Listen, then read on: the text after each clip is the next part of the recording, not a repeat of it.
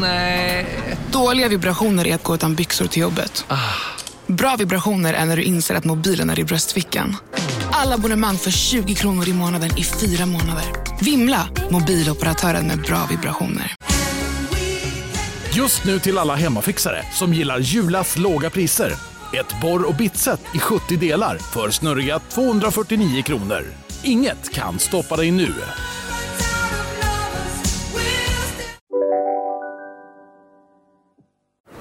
We have an emergency number for those of you who are concerned about the safety of your loved ones. A Sheffield number 0742 570 800. Let me repeat that number for you 0742 570 800. I When We Were Kings pratar vi om fotbollslag som i olika tider satt avtryck i fotbollshistorien. Ofta innebär det att vi talar om stora spelare, mästare, kungar på planen helt enkelt. Men Kings kan också vara något annat. Det kan vara om hur ett folk och ett lag agerar i förtvivlan, i sorg och mot orättvisa. Idag ska vi prata om ett sånt lag som visserligen var ett av världens bästa, men som den här säsongen fick uppleva något helt annat. Vilka och när ska vi prata om, Erik? Idag ska vi prata om Liverpool-säsongen 1988 1989. Och vi kommer någonstans utgå ifrån fotbollsklubben och fotbollslaget. Men som de allra flesta säkerligen redan vet så var ju inte det här en säsong som definierades av vilka matcher som vanns och vilka mål som gjordes och vilka pokaler som delades ut. Utan det är en säsong som vi alltid kommer att behöva minnas. För tragedin på Hillsborough Stadion i Sheffield där 96 fotbollssupportrar miste livet. Det kommer aldrig att vara en säsong som kretsar kring något annat än det. Och det kommer givetvis bli ett program som domineras av det som hände i Sheffield, det som hände under veckorna och månaderna och i förlängningen årtiondena som följde. Men det kommer också vara ett program som utgår från fotbollslaget, fotbollsklubben och alla människor som berörs så extremt mycket av det som händer runt de spelarna, de läktarna och den institutionen.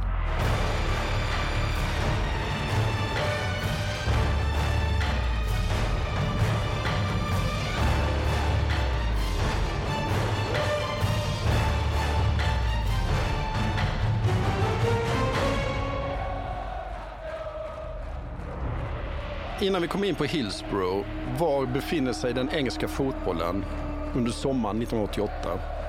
Ja, då befinner sig den engelska fotbollen i ett läge då de ska fira sitt 100-årsjubileum. Då har det minsann spelats eh, högsta divisionsfotboll i England i ett helt århundrade. Men med det sagt så befann sig ändå den engelska fotbollen i ett läge där det var fullständigt uppenbart att något behövde hända. För det var en fotboll i kris, det var en fotboll i sönderfall. Det var en fotboll i väldigt snabb takt på väg mot någon typ av återvändsgränd. Det var bara några år sedan den engelska fotbollshuliganismen hade kostat 39 liv nere på Hazelstadion. Det var dessutom bara några år sedan som den dåliga infrastrukturen runt engelsk fotboll hade kostat 56 liv när läktarna i Bradford brann. Så det var en engelsk fotboll där det fortfarande skickades in tiotusentals människor på läktare som enbart bestod av betong och stängsel. Det var en engelsk fotboll eh, där klubbarna som skulle representera den fortfarande var avstängda från allt Europacupspel.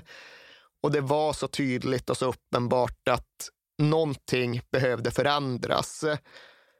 Och det här blev säsongen som bokstavligt talat höll på att döda engelsk fotboll. Det blev också den sista säsongen av den gamla engelska fotbollen. Och det är ju så vansinnigt tragiskt att behöva konstatera att det krävdes en katastrof för att eh, de skulle slå in på en annan, mer hållbar, mer långsiktig och mer människovärdig linje. Men där någonstans befann sig den engelska fotbollen när den här säsongen skulle påbörjas. Och Liverpool. Liverpool hade året innan, eller säsongen innan, eh, vunnit ligan överlägset, förlorat FA-cupfinalen eh, och under sommaren så började de göra, ja i alla fall en väldigt fin värvning va? Ja, de gjorde inte sådär jättemycket på transfermarknaden, men de gjorde den största värvningen en brittisk klubb någonsin hade gjort Eh, de köpte tillbaka den förlorade sonen Ian Rush som ju hade varit i Juventus och studsat utan någon sån där jättestor framgång. Han hade bara varit där i en säsong och under tiden som han hade varit borta så hade ju Liverpool utnyttjat pengarna de fick in för försäljningen av honom för att bygga ja, ett av de bästa lag som de någonsin hade haft. De hade köpt in John Barnes, Peter Beardsley och Ray Houghton för Rush-pengarna. De hade spelat in John Aldridge istället för Ian Rush längst fram på topp. Och de gick in i den här säsongen som stora titelfavoriter de var ju absolut fortfarande en klubb som någonstans var tvungna att bearbeta konsekvenserna av katastrofen på Hazelstadion drygt tre år tidigare. Så de kunde inte visa upp sig själva i Europa och verkligen mäta sig. Men det absolut inte för stora ord att kalla själva laget för ett av världens absolut bästa vid det här tillfället. Och lite kuriosa också är ju att eh, Ian Rush slog alla transferrekord när han köptes tillbaka. Eh, det är lite kul för de som är lite yngre idag. Då kostade han 2,8 miljoner pund 1988. Idag får du väl knappt en vaktmästare för de pengarna. Ja, du kanske kan få någon plansköt men det är absolut andra tider än det var då. 30 miljoner kronor var alltså den dyraste värvningen en brittisk klubb någonsin hade gjort och det rekordet kommer att stå sig ett tag också. Ja. Vad var det för lag de ställde upp med då, när säsongen började? Ja, det var ju inte så att det var några 25-mannatrupper med full ständigt likvärdig täckning på alla positioner, utan det här var ju tider då det visserligen tilläts två avbytare på matcherna, men då det mycket mer var en elva än en trupp som skulle vinna bucklorna. Men i alla fall, det de gick in i, det var ju Bruce Grubbelar, den karismatiska, spektakulära, ibland lite svajiga målvakten. Han skulle dock komma att drabbas av en hjärnhinneinflammation ganska tidigt på säsongen och bli borta ett tag och därför ersättas av eh, andramålvakten Mike Cooper. Och det var en försvagning. Det var absolut en försvagning. Och en sådan drabbades de även av i backlinjen. Där gick de in med en tanke om att ha ytterbackarna Gary Ablett och Steve Staunton, två unga utvecklingsbara killar som verkligen var på väg framåt och skulle göra ytterbacksplatserna till sina under lång tid. Och sen tänkte de säga skotska universalspelaren Steve Nichol på ena mittbacken och kaptenen, ledaren, centralfiguren Allan Hansen på andra mittbacken. Men Allan Hansen gick sönder under försäsongen och var borta i stort sett hela säsongen, var borta ända fram till mitten av april. Och det blev en tydlig försvagning. Då fick de jonglera lite grann med att använda innermittfältare som mittbackar de körde rätt ofta Gary Gillespie som andra mittback och han var väl helt okej, okay, men han var inte Allan Hansen. I försvarsuppsättningen fanns även ytterbacksalternativ som David Burrows och Barry Vennison. Helt okej okay spelare, även om man tänkte sig att vinna den engelska ligan. Mittfältet, för att blåsa igenom det, det var väl i sin mest ordinarie form bestående av Ronnie Whelan och Steve McMahon på innermittfältet. Hårda spelare, slitstarka spelare. Eh, användbara spelare som aldrig gjorde en dålig match. Och så Ray Houghton som utgick från en position lite mer till höger, men som var fantastisk på det här med att liksom komma in i boxen i någon form av andravågslöpningar och gjorde mycket mål, var verkligen användbar i offensiven.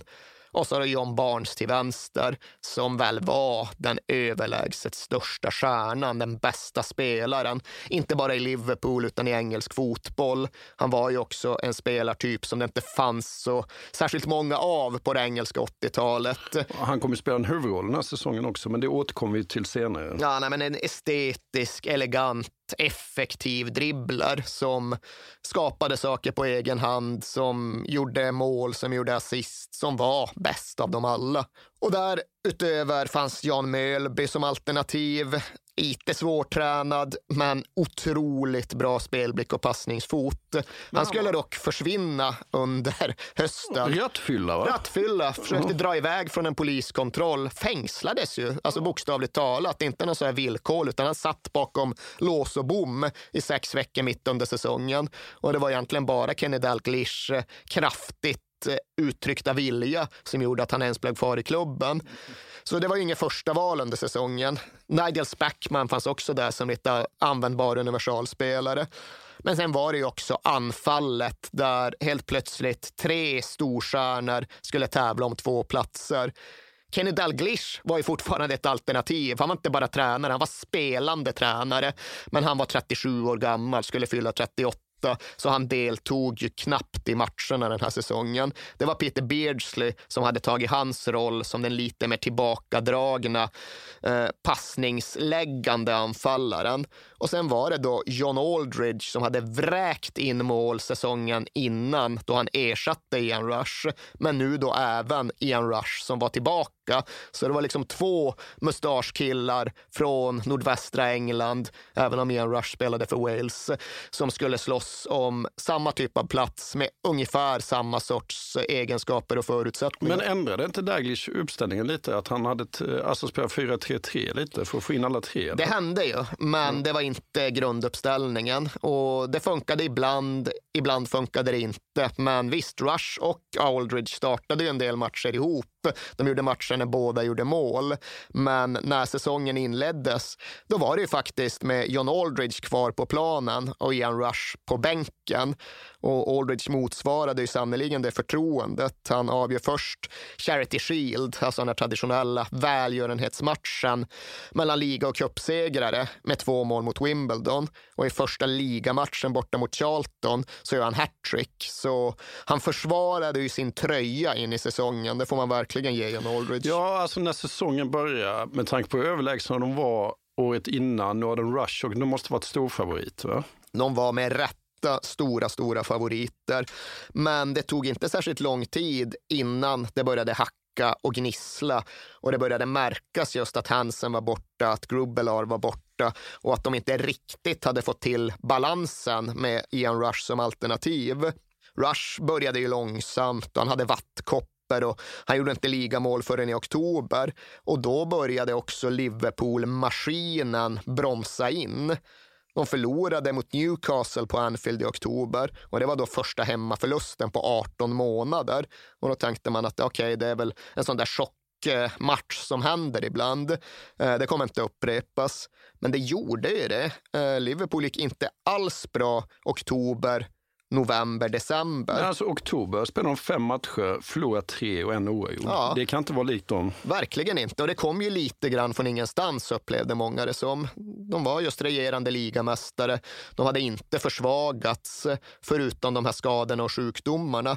Men helt plötsligt så stämde bara inte spelet längre. Vid årsskiftet så var ju Liverpool sexa i tabellen. En tabell som man gillar att titta på så här med 30 års distans för ja, de fem klubbar som låg före Liverpool i tabellen. Ja, hur många tar du? Ja, jag har faktiskt läst på lite. Nej, men, ja, men är det Norwich, Millwall, eh, Arsenal och väl för eh, Newcastle? Ja, inte Newcastle, Nej. men du är rätt på topptrion. Det är Norwich, Arsenal, Millwall och den är ju tilltalande. Sen är det också roligt att lag 4 och lag 5 är Derby County och Coventry City så ta bort Arsenal ur den ekvationen så är det en spänstig tabelltopp ja. in i 1989.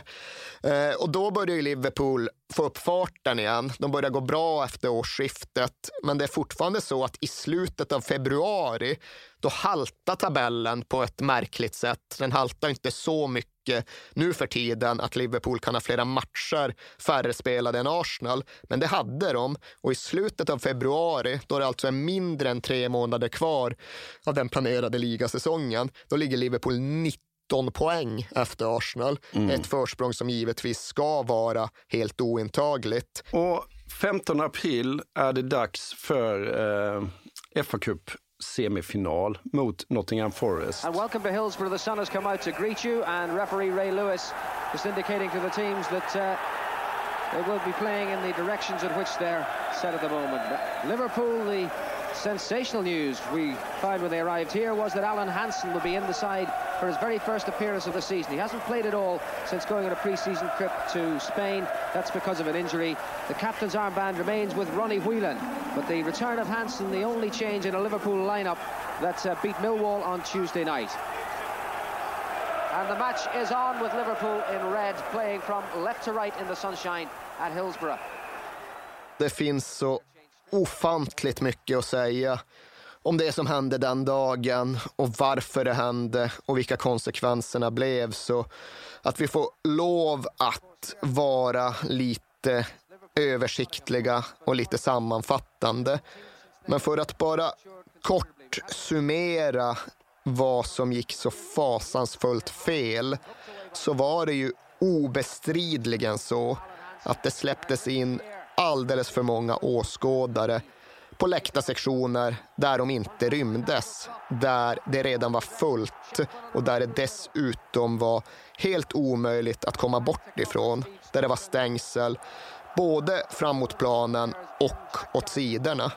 Så det var ju en dödsfälla, de här centrala sektionerna på Leppings Lane, kortsidan, på Hillsbury Sheffield. Det var en situation där det inte fanns någon kontroll och organisation av hur människor kom in på arenan och hur de sen slussades vidare till sektioner där det faktiskt fanns plats. Utan det anlände ju väldigt många människor ganska tätt in på avspark och det fanns ingen organisation på plats för att säkerställa att de inte skulle komma till skada. Utan de släpptes ju till slut in på arenan i okontrollerad form eftersom att trycket där utanför var så hårt.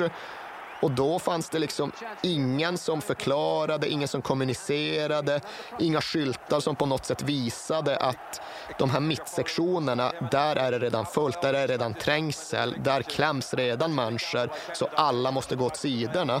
Utan de tilläts ju bara att gå in på att pressa sig in på de här sektionerna som redan var helt överfulla av människor.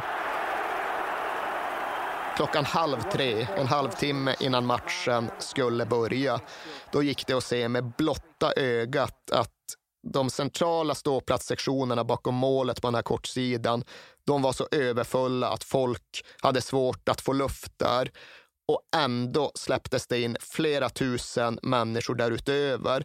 Och det var ju just människor som, det funkar inte att bara gå in och oj, här var det fullt, jag vänder, utan de fastnade ju i all trängsel som tilläts pågå utanför sektionen.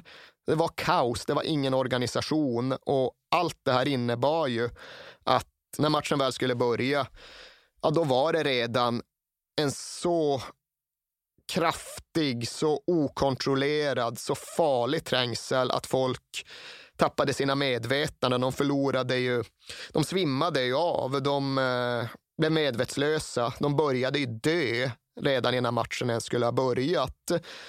Och det som är så oerhört svårt att förstå det är ju att ingen egentligen gjorde något åt saken. Att eh, det ledande polisbefälet inte hade handlingskraft nog att faktiskt eh, ja, göra någonting. Han var ju väldigt grön ska vi Han säga. var väldigt grön. Ja. Eh, Men det var ju som sagt väldigt lätt att bara med blotta ögat på tv-bilder eller på, från huvudläktaren se att folk är ju i livsfara här. Folk är i akut livsfara. Men inget görs för att avstyra det. Inget görs för att avhjälpa det. Utan matchen börjar. Ja, det är ju helt otroligt att de inte skjuter upp matchstarten. Ja. Det är bara 15.00, ja, men då blåser vi igång. Ja, det går inte. Det finns ingen anledning för folk där ute att stressa, ingen anledning att ruscha, ingen anledning att tränga er in. Vi måste styra upp det här med läktaren, för det är inte säkert vi får spela när det är möjligt att spela. Men så var det ju inte, utan matchen påbörjades samtidigt som människor dog fem meter bakom Bruce Grubelars mål. Och han fick ju hämta bollar både under uppvärmningen och under själva matchen från den där läktaren. Och han såg ju och han hörde ju hur åskådare verkligen vädjade till honom. Vi dör här inne, vi dör här inne, Bruce Grubbelar. Hjälp oss, hjälp oss. Och han pratade med dem, men avbryt matchen, vi kan inte spela, det går inte. Och de lyssnade inte. Domaren lyssnade inte, poliserna som stod vid läktaren lyssnade inte för de väntade på kommandon från sina överordnade. Utan allt bara pågick då i sex minuter. Peter Beardsley han skjuta i ribban. Det ledde till att det blev ytterligare en stor folkrörelse på den här läktaren och krossade gjort... ännu fler. Vad hade hänt om man gjort mål? Ja, det vill man inte ens tänka på. There's the corner and the crossbar saving Nottingham Forest from Peter Beardsley's shot. Whistle's gone for a free kick, but Peter Beardsley coming so close to scoring the first goal in the cup against Steve Sutton. And the police are on the pitch to tell the referee to stop the proceedings because the, uh, there is danger here that the crowd is going to encroach upon the pitch because of overcrowding at the back of the goal and the referee is taking the players off the field. So this FA Cup semi-final has been interrupted after six minutes because of uh, crowd problems here. Capacity of Hillsborough, 54,101, and it would appear that too many of them are on that terrace behind Bruce Grobbelaar's goal. And Ray Lewis, the referee, is doing the sensible thing in taking the players away. Men efter sex minuter så avbryts då till sist matchen. Spelarna tas in i omklädningsrummet och de ser ju att något inte är som det ska de befarar ju att det har någonting med huliganism att göra, för så var det ofta på engelska fotbollsarenor vid den här tiden. Men de visste ju inte mer än att det var illa. Och Bruce Grubbelar visste i synnerhet att det var nog riktigt illa. Men de blir inskickade i omklädningsrummet med någon form av intention att eh, återuppta matchen. Domaren kommer in och säger ja, men fem minuter till, tio minuter till. Vi får se vart det här tar vägen. Men sen går ju Kenny Dalglish, alltså tränaren, ut för att se vad som pågår. Mycket för att han är orolig för sin egen son som finns i publiken.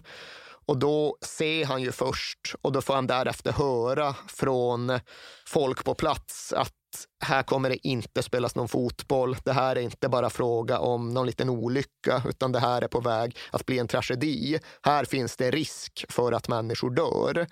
Och det var ju ett läge där folk i själva verket redan hade dött. Och de hade dött i mängder som är helt hemska att ens eh, prata om, resonera kring. Men det var något som gick upp för honom och i förlängningen för spelargruppen först när han återvände in mot omklädningsrummet. Och det då hade kommit in fans eh, i korridorerna där kring. Och de skriker det där som de hade skrikit till Bruce Grubbelar någon kvart tidigare.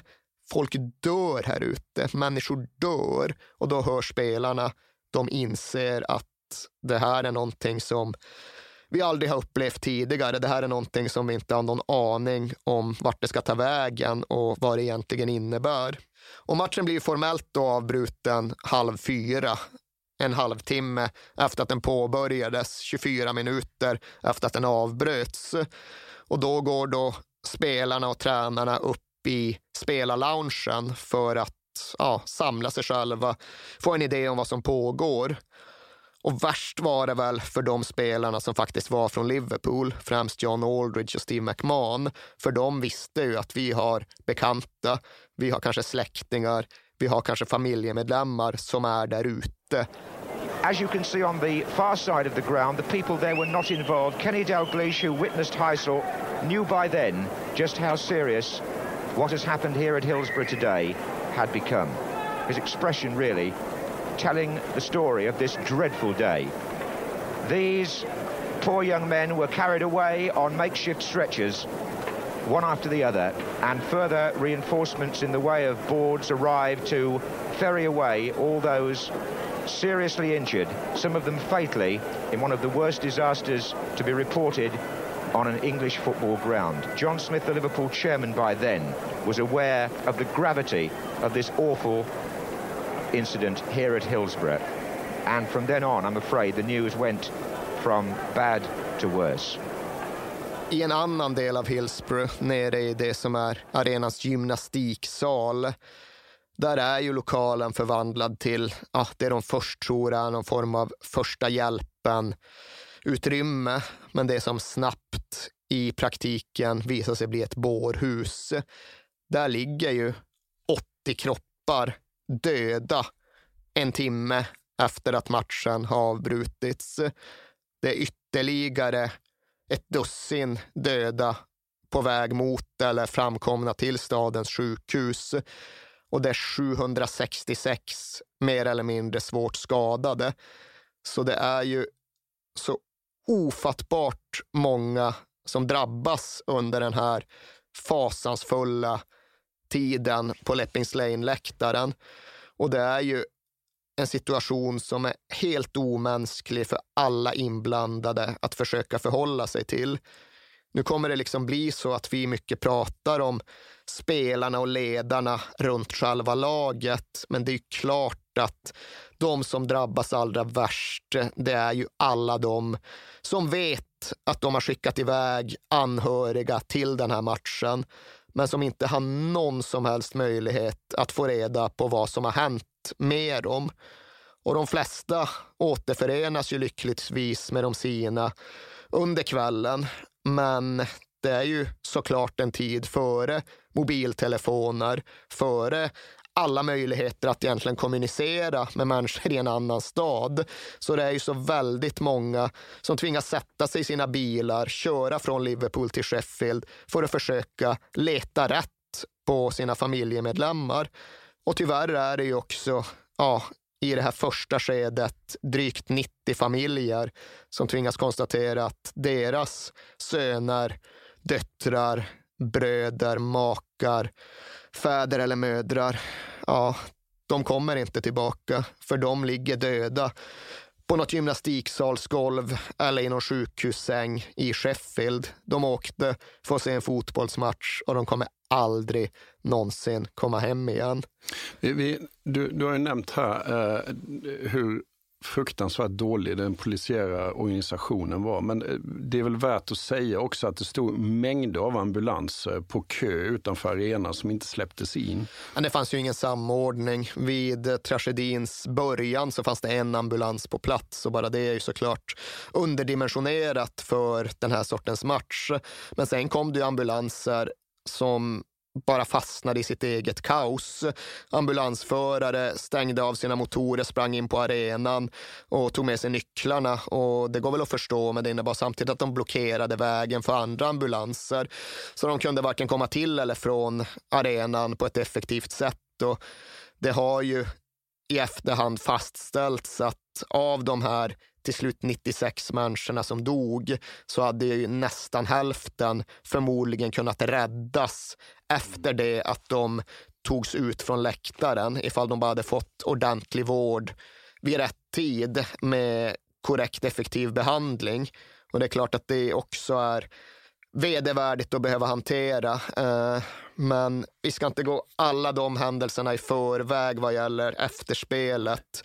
Utan vi ska konstatera att när alla tusentals anhöriga sätter sig och kör från Liverpool till Sheffield med den absolut värsta typen av ångest som överhuvudtaget går att föreställa sig. Då ska också Liverpools lag sätta sig i sin spelarbuss för att åka motsatt riktning och möta alla de här bilarna med Liverpool beteckning på sina registreringsskyltar på väg åt andra hållet. Och stämningen på den spelarbussen, det har ju alla som befann sig där vittnat om att det var så hemskt och så svårt att eh, klä i ord att det nästan inte låter sig göras. Men Kenny Dalglish gjorde det första han sa när han klev på bussen. Ingen radio, stäng av. Det måste faktiskt vara tyst här. Och de satt tysta och de drack ju. De drack ju hårt. John Barnes, han söp ju ner sig totalt på brandy bara för att på något sätt klara av Stänga resan, av, klara av timmarna. Mm. I förlängningen kunna sova några få timmar. Men de satt där på bussen i sin tystnad med sin alkohol och pratade med varandra om huruvida de någonsin skulle spela fotboll igen. Det var ju verkligen så. Bruce Grubbelar var väl kanske den som först och tydligast sa det, att efter det jag sett och upplevt, jag tror aldrig jag kommer spela fotboll igen. Och det var såklart med de känslorna som de spelarna till sist gick och la sig den här kvällen.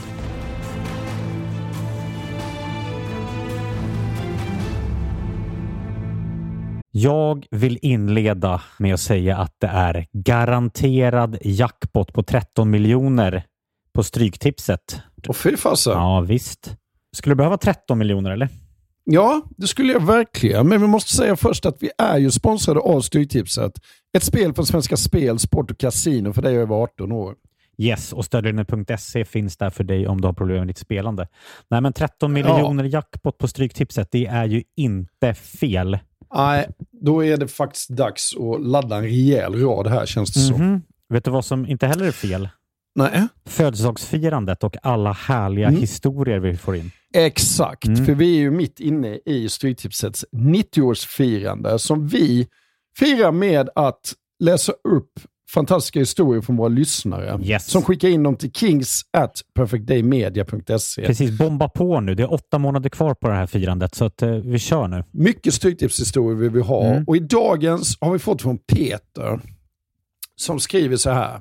Hej på er och tack för en helt otrolig podcast. Den har räddat mina veckor i snart fyra år. Tack så mycket Peter. Min historia är ganska färsk, men den om när det vände på stopptid gav kanske inte de största pengarna, men känslan i mig består. Jag spelar ofta för lite mindre pengar på Stryket, följer fotbollen men långt ifrån en nörd. Och allt såg väldigt bra ut senast, förutom på min etta på Manchester United mot Brentford. Mm -hmm. Var ändå väldigt, var ändå väldigt nöjd med hur resten satt. Men på stopptid satte min nya favoritspelare, skotten McTominay, två mål och vändningen fullbordades. 64 rader blev 12 000 kronor. Tack för en bra podd. Det är podd. otroligt. Ja. Tack för en bra historia Peter. Ja, och som man älskar Scott McTominay. Gör man inte det? Ja, det gör man faktiskt. Han liksom kommer in i straffområdet jävligt bra faktiskt. Mm. Vi säger stort tack till våra vänner på Stryktipset. Tack.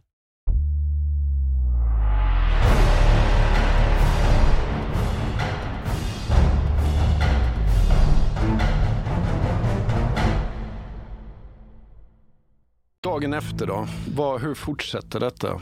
Ja, det är ju då en stad, Liverpool, full såklart av chockade, sörjande människor som inte visste vad de skulle göra eller vart de skulle ta vägen. Och det som snart blir det enda självklara för klubben att göra, det är att öppna upp Anfield som en typ av kriscentrum. För även om man utifrån kanske skulle misstänka att fotbollsarenan är den sista platsen som de anhöriga vill ta sig till en sån dag så var det faktiskt precis tvärtom. Det var inte platsen som påminner om, om tragedin, utan det var den enda platsen som kändes rätt för dem att åka till. Det var liksom hjärtat i staden Liverpool, hjärtat i den stad som kanske mer än nästan någon annan stad i både England och Europa lever och tyvärr också dör för sin fotboll.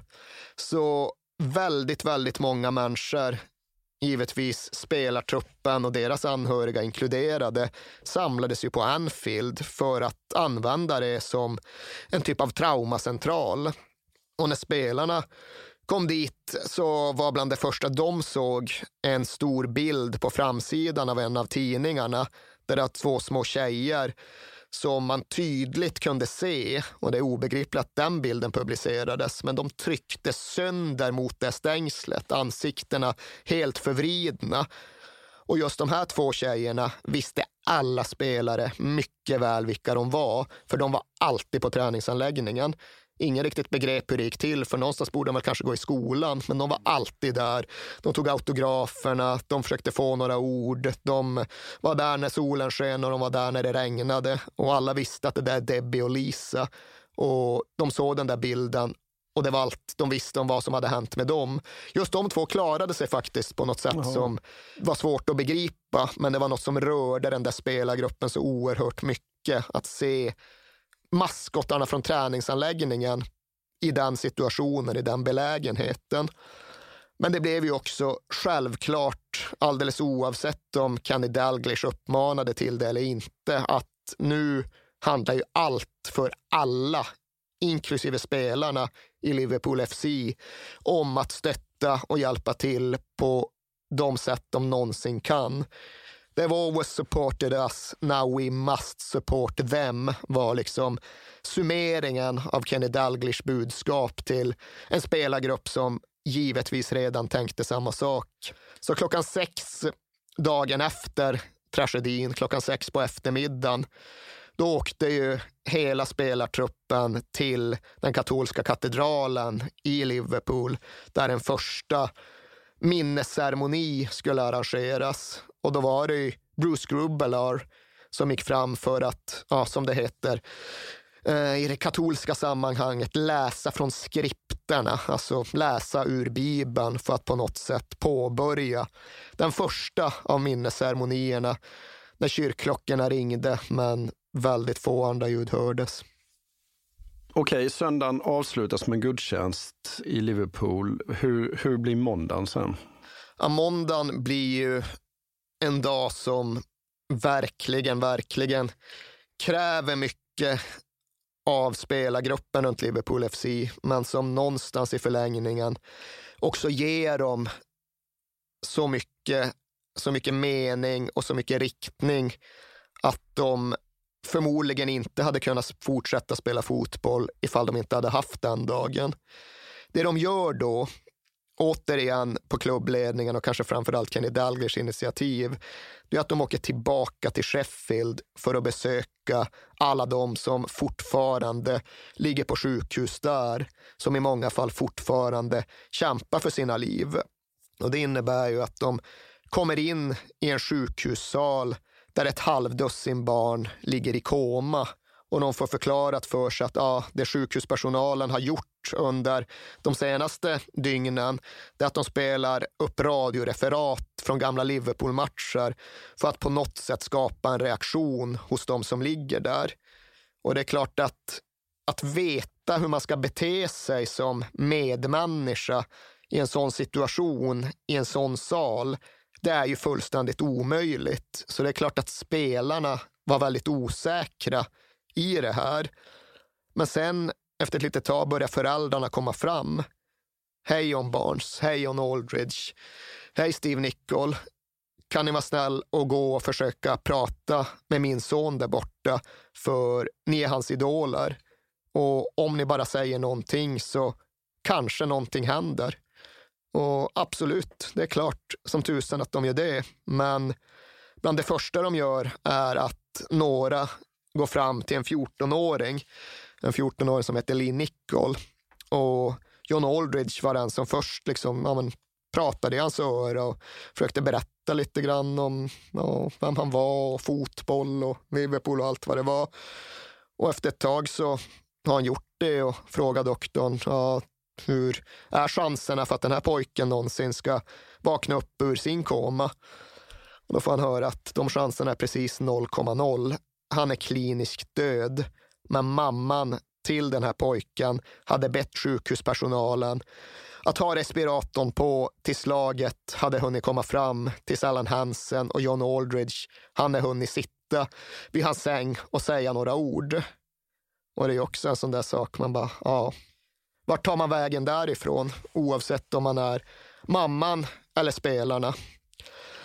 Men det var inte den enda upplevelsen och det är ju i alla fall skönt att kunna säga det, berätta om det. För det var ju faktiskt även två barn som vaknade ur koman medan spelarna och tränarstaben var där.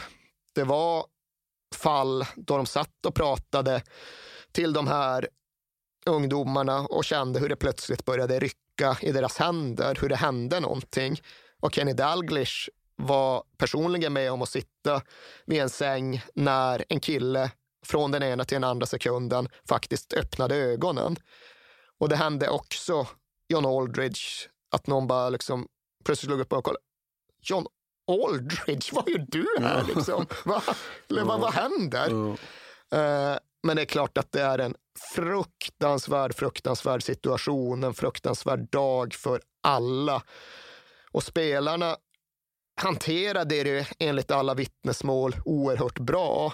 Det var ju vissa som inte var 11-åringar eller 14-åringar utan som var fullvuxna män. Och där var det ju anhöriga som sa att men, han behöver något annat än de här liksom ömma viskningarna. Hej, Steve McMahon, du är en hårding. Gå och säg åt honom att rycka upp sig. Liksom. Steve McMahon, okej, okay, kom igen nu, you big lump. Du kan inte ligga här i sängen hela dagen.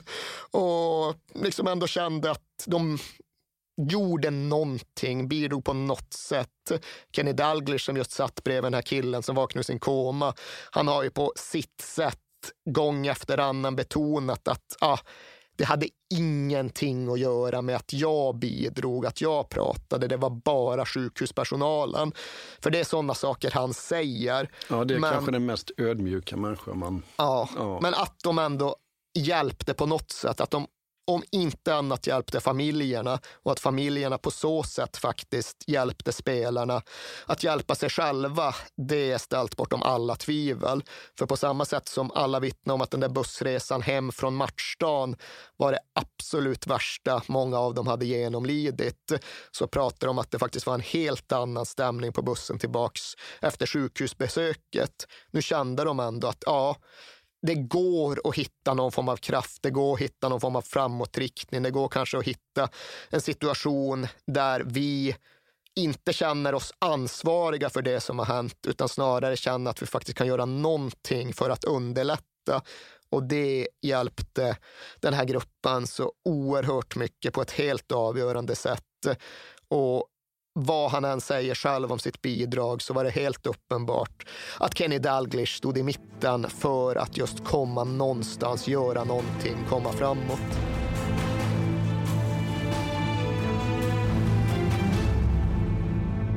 Då måste vi även prata om den spelande tränaren Kenny Dalglish. Och när man läser på om honom så framstår han som inte bara liksom en av de bästa spelarna som har funnits, men att eh, en ledare som är helt otrolig. Ja, alltså det han gör, det han går igenom under veckorna, månaderna, i förlängningen årtiondena efter Hillsborough, det är så beundransvärt att det är svårt att hitta motstycken. För han var bara 38 år gammal han var så yngre än jag är nu, vilket känns helt häpnadsväckande att konstatera. Och han var dessutom en liksom ganska inbunden personlighet som det var många som inte alls såg som någon självklar och naturlig och auktoritär ledartyp som var jättebra på att kommunicera. Men det var då en man som liksom klev upp och tog ett ansvar som eh, imponerade imponerar så oerhört mycket mycket. Och det ska ju sägas att Kenny Dalglish hade sett död och tragedi i sitt fotbollsliv flera gånger tidigare. Som 20-åring, när han precis var på väg att liksom slå igenom som spelare, då satt han oombytt på Ibrox när det var Old Firm-derby mellan hans Celtic och Rangers. Och 66 människor dog när det blev en form av trängsel och kollision vid arenans utgång. Och sen var han ju en 34-årig storstjärna när han var på Heisel, när 39 människor dog under, eller i samband med Europacupfinalen 1985. Så han hade ju egentligen anledning att kliva av fotbollssvängen långt tidigare än detta skedde. Ja, alltså dagen efter Hazel-katastrofen så blir han spelande tränare för Liverpool. Ja, redan då så var det ju någonstans ett tecken på att det här var inte en man som ryggade tillbaka när det krävdes saker av honom, utan det här var en man som verkligen kunde axla ett ansvar för efter Hazel, eller precis i samband med Hazel, så klev ju precis som du säger Liverpools gamle tränare Joe Fagan av. Och det är möjligt att han hade gjort det ändå, men det var absolut så att Hazel gjorde det beslutet definitivt. Och det gjorde dessutom att Joe Fagan var traumatiserad under egentligen återstoden av sitt liv. Medan Kenny Dalglish då åtog sig den här lite oortodoxa rollen som spelande tränare. Och det var ju den han fortfarande hade när Hillsborough skedde. Det var så mycket han gjorde och det var så mycket han gjorde rätt under tiden då så många behövde honom så mycket. Men någonstans behövde han ju dessutom klara av att hantera sig själv och sin egen familj. Men det satte han ju någonstans på undantag. Det han gjorde var ju att den här nästan allra första morgonen, eller måndagsmorgonen, precis innan laget åker till Sheffield, då är han ju inne tidigt, tidigt, tidigt på Anfield innan någon annan har kommit dit. Och då går han ut på planen och går fram till The Cop igenom blommorna som har börjat läggas både på läktaren och nere i straffområdet och knyter fast sina barns teddybjörnar runt en av målstolparna. Och båda hans barn hade ju som sagt varit på Hillsborough. Men de var med också på... De var med. Ja, eh, på, och på Anfield alltså. Ja. de var inte med vid just det här tillfället, men de var med senare samma vecka när verkligen hela arenan hade förvandlats till, ett, till en minnesplats då det inte bara låg blommor i straffområdet utan då blomhavet verkligen täckte en hel planhalva. Och hans son då, Paul Dalglish, han var ju 12 år när allt det här hände, hade varit på Hillsborough, extremt fotbollsbiten. Och han står där tillsammans med sin familj och de tittar på alla de här blommorna och alla de här minnessakerna. Och han bara skakar på huvudet och frågar liksom, why did it have to happen to us? Och Kenny har ju sagt det att han har egentligen aldrig, inte ens nu så vitt jag vet, klarat av att prata med sin son om vad som egentligen hände. De gick upp förbi de här blommorna upp på läktaren och tittade på liksom vad var det folk hade lämnat där. Det var inte bara halsdukar och matchtröjor och sådär, utan det var ju också vardagssaker. Och när väl Kenny Dalglish började prata offentligt om Hillsborough. Det dröjde 20 år, det dröjde mer därtill innan han till sist utvecklade. Och då pratade han väldigt lite. Ja, han skrev ju sen en självbiografi Ja, där han det, faktiskt ja. reflekterade över det. Och där berättar han ju att det som rörde honom mest, och det kan jag verkligen förstå, det var ju de här liksom vardagsföremålen som hade lämnats kvar på läktaren. En chokladkaka här, en eh, slips där. För det var liksom den chokladkakan som två personer alltid delade under halvtid på matcherna och nu skulle en av dem inte komma tillbaka. Det var den där slipsen som någon alltid tog på sig för att ge tur till matchdagen och nu skulle den personen aldrig göra det igen. Så var det tydligen liksom två apelsiner som låg för att illustrera just det där. Ja, vi var två stycken som alltid kom och vi hade alltid med oss våra apelsiner som vi åt i paus och nu kommer vi aldrig dela dem igen. Att det var liksom det som någonstans sa mer än några ord någonsin kunde göra för Kenny Dalglish själv och för hans familj. Det var det som sammanfattade och summerade fotboll som en självklar del av livet, en naturlig del av vardagen och inte bara någonting som hände på lördagen och var helt frikopplat från staden Liverpool och människorna som bodde där. Most moving are the small things a photograph, a program, school ties, an old football, souvenirs that have been cherished and are now dedicated to the memory of those who won't return. Sen får man, jag tycker man ska tänka lite faktiskt att Kenny Daglish är 38 år. Han är spelande tränare i ett av världens bästa lag. Det är inte lite press därför att de ska vinna allting. Ändå så går han in i den här rollen och spenderar väl Ja, hur mycket tid spenderar han på till exempel på att gå på begravning efter detta? Ja, väldigt, väldigt, väldigt mycket tid. Så mycket tid att allt annat fick stå tillbaka under de här första veckorna. Liverpool FC såg ju alltid till att ha minst en klubbrepresentant på plats på alla begravningar. Ibland var det ordföranden, ibland var det eh, någon favoritspelare och för det allra mesta så var det ju då Kenny Dalglish. Kaptenen Allan Hansen, han gick på 12 begravningar. John Barnes gick på åtta. Kenny Dalglish gick på så många att han själv inte ens vet hur många han gick på, men det är ju flera, flera dussin. Han gick på eh, fyra begravningar på en dag? På en enda dag, ja. ja. ja. Från den ena till mm. den andra. Ja, och liksom, det går ju inte att föreställa sig vad det gör med honom, hur det påverkar honom. Och det var inte bara den typen av ansvarsbördor han tog. Han fick säga att ja, nu är det oro på fängelset, för eh, stora fängelset i stan är fångarna vansinniga över inte bara det som har hänt, utan diskussionen kring det som har hänt, som vi snart måste prata lite mer om. Så det finns ju en fara för att de bokstavligt talat försöker forcera sig ut för att ställa saker och ting till rätta ja, då får Kenny Dalglish åka till fängelset för att liksom prata med internerna och liksom lugna dem.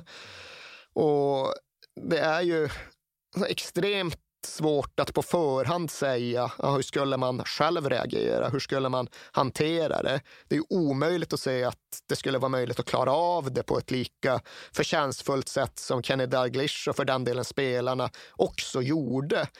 Man ska också komma ihåg att det här är ju liksom unga killar, nästan alla spelare. De kanske precis själva hade fått barn och de hade inte kommit i kontakt med liksom död och tragedi. John Aldridge hade varit på en enda begravning i hela sitt liv innan det här hände och det var hans egen farmor. Så när de sitter där på begravningarna så försöker de ju bara liksom ja, vara så lyhörda de kan. De är väldigt tydliga med att de inte vill komma dit och bli någon form av fokus för uppmärksamhet. De vill bara liksom mer eller mindre smyga in, visa sitt deltagande och sitt medkännande, göra vad de än kan göra gentemot familjerna. Men ceremonierna såg ju väldigt olika ut, men de avslutades nästan alltid på samma sätt. Och det var ju genom att New You'll Never Walk Alone spelades i kyrkan. Och det är klart att det var tårar på alla håll när den hymnen spelades. Men Deglish själv säger ju att ah, jag kunde inte ens gråta. Liksom. Det var för tjockt i halsen för att gråta. Det var för tjockt i halsen för att sjunga You'll never walk alone. Mm. Och en av de sista begravningarna han gick på, det var ju tydligen den som hölls då för den här 14-åringen som de satt med när han förkunnades kliniskt död på sjukhuset i Sheffield. Mm. Och Kenny Daglish var ju den gamla skolans man, vilket ju inte alltid är speciellt bra, men som aldrig visar några känslor och som biter ihop och som sväljer. Och eh, aldrig en enda gång tänkte han på sig själv eller att, eller att eh, ja, han tänkte aldrig på sig själv och han pratade ju aldrig med någon. Och det är klart att det är ju inte bra. Det är lätt att förstå att det var på det sättet bland den skolans män på den tiden. Men det är liksom inget vi ska sitta tillbaks nu och romantisera, även om Nej, det någonstans liksom ligger nära till hans. Men Dalglish pratade inte med sin fru, han pratade sannoliken inte med någon form av terapeut. Han pratade inte med sina barn heller. Och det där var tydligen ganska allmängiltigt. Spelargruppen gjorde de här sakerna gick på de här ceremonierna, upplevde all denna sorg och pratade aldrig med varandra om vad de faktiskt kände, vad de faktiskt gick igenom. Och det var, det var så det var. Det var ja. väl den typen av... Liksom, Men det var 30 år sedan. Ja, det har hänt mycket ja, med manligheten och maskuliniteten och fotbollens omklädningsrum för den delen också under den tiden.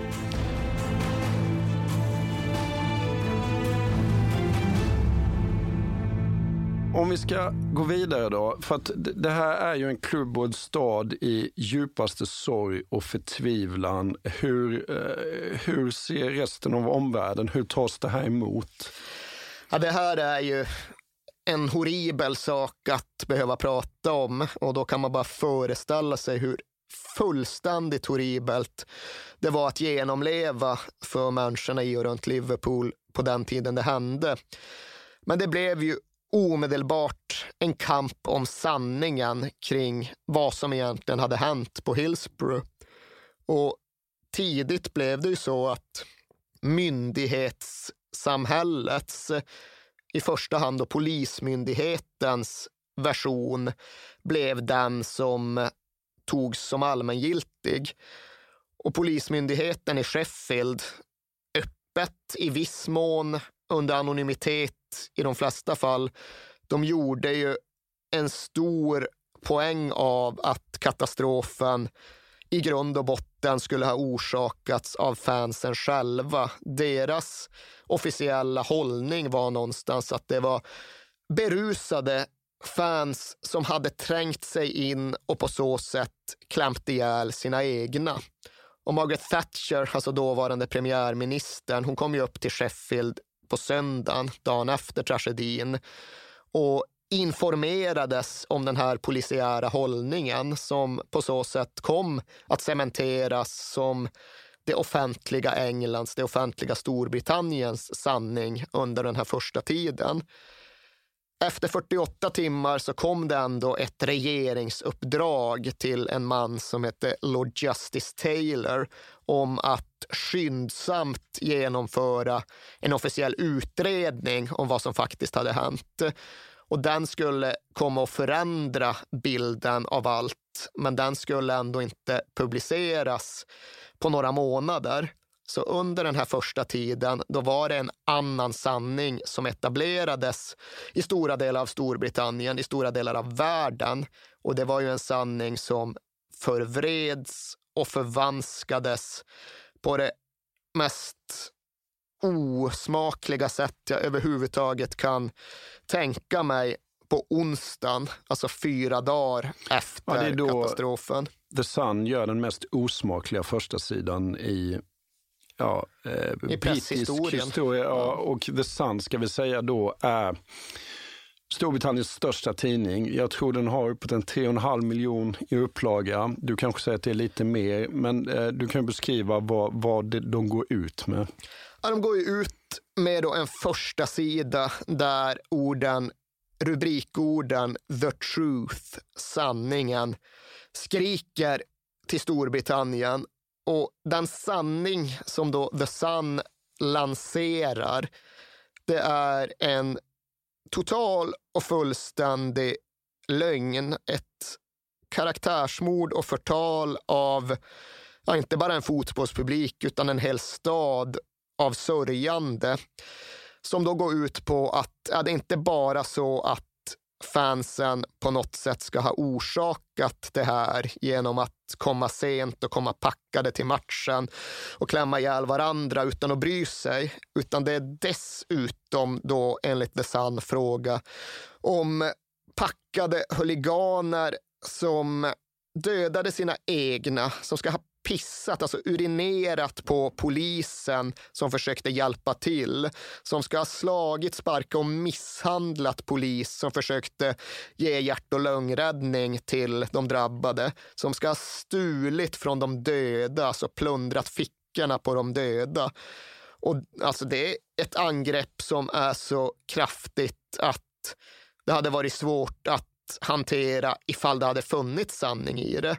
Men nu var det ju rena påhitt. Ja, så rena lögner. äckligt. Att, ja. ja. det är nog det värsta fallet av förtal jag kan, kom, kan påminna mig om att jag kom i kontakt ja. med i liksom ett pressammanhang. Och det förstärkte ju den här bilden som faktiskt hann sätta sig och etablera sig utanför Liverpool, utanför Merseyside. Där hette det ju i alla fall några månader att ja, det var visserligen sorgligt det som hände, men det var ju deras eget fel.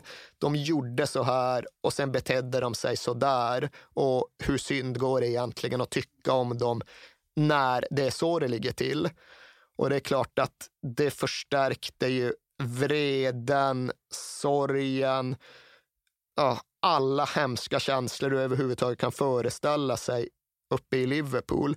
För tänk att först behöva hantera det faktum att någon närstående har dött på en fotbollsmatch och därefter behöva hantera de här smädelserna, de här misstankarna som ändå blev så pass etablerade att det inte bara var The Sun, utan det var ju en massa människor och en massa institutioner som tappade både omdöme och förnuft.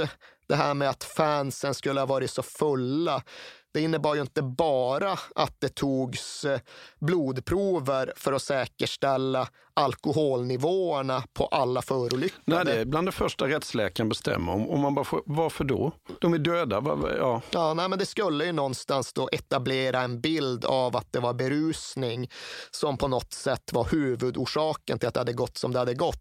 Och det fick ju också konsekvensen att det i en annan tidning publicerades en lista, en sammanställning på samtliga dödas promillenivåer, ja, ja. inklusive barn. Ja, fy fan. Ja, det är så svårt att ja. förstå att eh, vi sitter här 30 år senare och verkligen knappt kan ta in att det hände. Men så var det. Så var det. Och det behövde människorna i staden Liverpool på något sätt hantera. Det fanns inga andra val. Det var så det var. Well, Jimmy Hill was also part of our team at Hillsborough on Saturday. Jimmy, a very moving atmosphere at Anfield at the moment. But what has struck you uh, in the last four days also about the atmosphere of uh, recrimination and accusation that seems to have developed?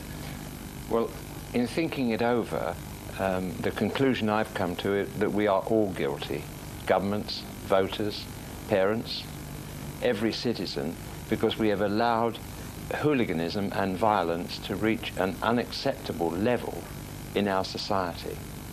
And that reared its ugly head on Saturday. Okej, okay, om vi går in på staden Liverpool då. Vad, hur såg den här stan ut under den här tiden? Ja, det hör verkligen också till historien. Det hör till både historien om hur svartmålningen kunde ske och det hör också till historien om hur reaktionen blev som den blev. För Liverpool har ju alltid egentligen sett sig själv som en halvt autonom del av Storbritannien. Scouse, not English, heter det där uppe. Det säljs fortfarande liksom Scouse passports nere i hamnkvarteren där. För det är ju och har alltid varit en hamnstad som i minst lika hög utsträckning har haft blicken ut mot havet, ut mot världen, som den har haft blicken mot makten nere i London. Det är och var en ganska stökig, ganska brokig arbetarstad som dessutom var i halvt förfall under 1980-talet. Eh, mycket beroende på att de verkligen inte hade fått särskilt mycket stöd eller hjälp eller eh, resurser från statsapparaten. Nästan halva befolkningen i staden Liverpool hade försvunnit sedan andra världskriget. Och det hade ju mycket att göra med att jobben försvann från hamnarna. Men det hade också att göra med att regeringen, nästan oberoende av vilka som hade makten, tycktes ganska ointresserad av att hjälpa till där uppe i den där störiga, stökiga, oreglerliga stan som knappt verkade känna sig som engelsk själv. Och allt det där förstärktes ju när Margaret Thatcher och hennes Toryparti tog regeringsmakten. För 1980-talet i Storbritannien, det var ju Thatcher-tiden. Det var ju Falklandskriget och det var IRA-bombningarna och det var gruvstrejkerna. Men det var också en nation som slöt upp bakom Thatchers Tory-styre i väldigt många delar. Men det var ett Liverpool som samtidigt som landet röstade mer och mer Tory blev mer och mer militant Labour. Det är väl ingen övertolkning, det är ingen överdrift att säga att Thatcher och hennes eh, regeringsapparat inte var särskilt vänligt inställda gentemot Liverpool. Det var upplopp där uppe i stan i början av 1980-talet och det pågick, har liksom officiella protokoll i efterhand visat. Det pågick på allvar regeringssamtal om att mer eller mindre överge staden helt, att utlämna den till, som det hette på officiellt språk, citat, kontrollerat förfall, slutcitat. Det var alltså tal om att mer eller mindre... Ja, nej, men liksom ja. lyfta statsapparatens hand från Liverpool. Ja, ja. De får klara sig själva där uppe. Mm. De får väl gå under i just sin egen misär. Men allt det här bidrog till att göda den motståndskraft som jag än idag faktiskt tycker definierar Liverpool som stad, kanske mer än något annat. En motståndskraft som sannerligen behövdes och som i förlängningen förstärktes av allt som hände runt Hillsborough. Det finns liksom en summerande bok om Liverpools politiska historia som heter The City That Dared to Fight. Och det tycker jag är en bra titel. Jag är ju också väldigt svag för symboliken bakom den här banderollen som Liverpool-fans ganska tidigt började ta till matcherna efter Hillsborough, som sen blev kvar och återvände lite då och då under årtiondena som följde. Den banderoll som kort och gott konstaterade “You took on the wrong city”. Mm. Ni gav er på fel stad.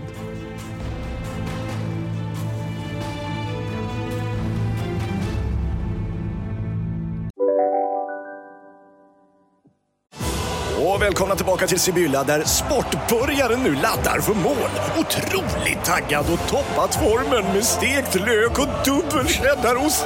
Det här blir en riktigt god match! Sportbörjare, ett original i godaste laget. Från Sibylla. Ja? Hallå? Pizzeria Grandiosa? Ä Jag vill ha en Grandiosa capriciosa och en pepperoni. Något mer? Mm, kaffefilter. Ja, Okej, okay. ses samma. Grandiosa, hela Sveriges hempizza. Den med mycket på. Välkommen till Momang, ett nytt smidigare casino från Svenska Spel, Sport och Casino där du enkelt kan spela hur lite du vill. Idag har vi en stjärna från spelet Starburst här som ska berätta hur smidigt det är. Jaha, så smidigt alltså. Momang, för dig över 18 år. Stödlinjen.se. Ligan, eller fotbollen, höll uppehåll i nästan en månad va?